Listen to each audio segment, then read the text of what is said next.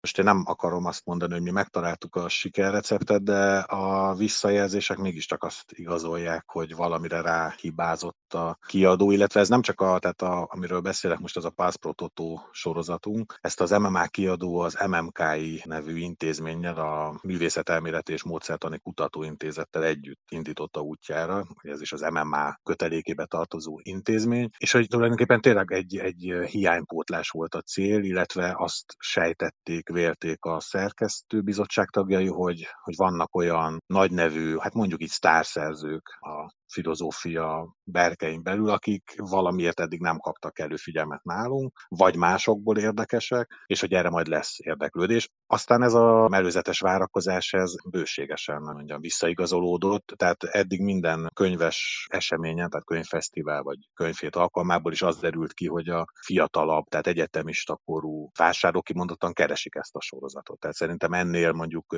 jobb elismerés nem is érhet egy ilyen sorozatot. Azt nyilván nem vártuk, hogy majd a nyaranta strandon mindenki Scrutont olvas, de hogy, hogy már vannak, akik kimondottan gyűjtik ezt a sorozatot, az nagyon jó jel. Ehhez egyébként hozzáteszem, hogy az is hozzájárul, hogy, hogy egy nagyon-nagyon ízléses és vonzó arculatot sikerült kitalálni, ez ifjabb Szunyogi András érdeme, tehát ezek zsebkönyvszerű könyvek, nagyon friss, nagyon eleven és látványos grafikával. Igen, összességében azt hiszem, hogy nem vagyunk elkényeztetve magyar olvasók filozófiai művekkel, hát ugye most sokkal inkább a pszichológia tarol, ugyanakkor egy, egy olyan közepes méretű, de elég rokontalan nyelvnek, mint a magyar, elemi létérdeke, hogy, hogy a fordítási irodalom egészségesen fennmaradjon, tehát hogy ilyen művek is megjelenjenek hát mi erre teszünk kísérletet, és az eddigi visszajelzések nagyon pozitívak. Igen, és hát a kiadó berkein belül megjelent Scruton kötet, a Zenéről című könyv, ugye azt a kérdést boncolgatja, hogy milyen is a jó zene, de hogy ezt meghatározni, hogy mi a jó zene, az nem egy erősen szubjektív szempont? Hát nyilvánvalóan, de itt, itt már az önmagában érdekes, hogy ugye Scruton ezt akár egy ilyen fricskaként is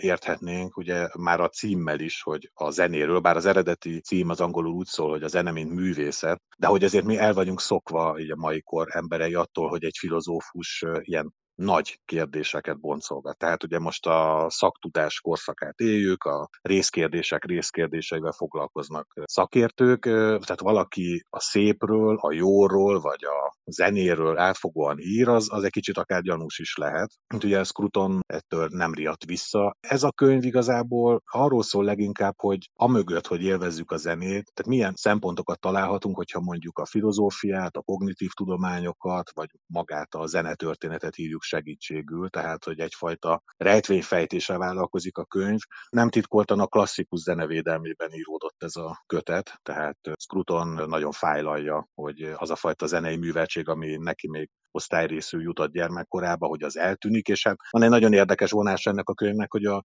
popzene rajongói is